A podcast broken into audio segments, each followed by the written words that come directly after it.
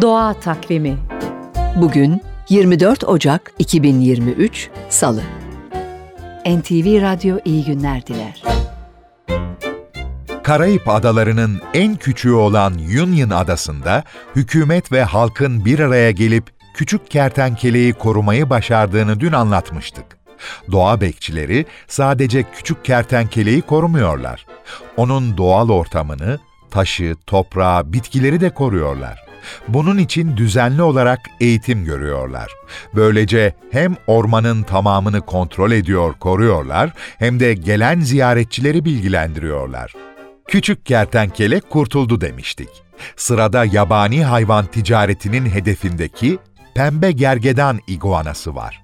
Tıpkı küçük kertenkele gibi çarpıcı görünüş ve renkleriyle koleksiyoncuları cezbetmiş bir tür.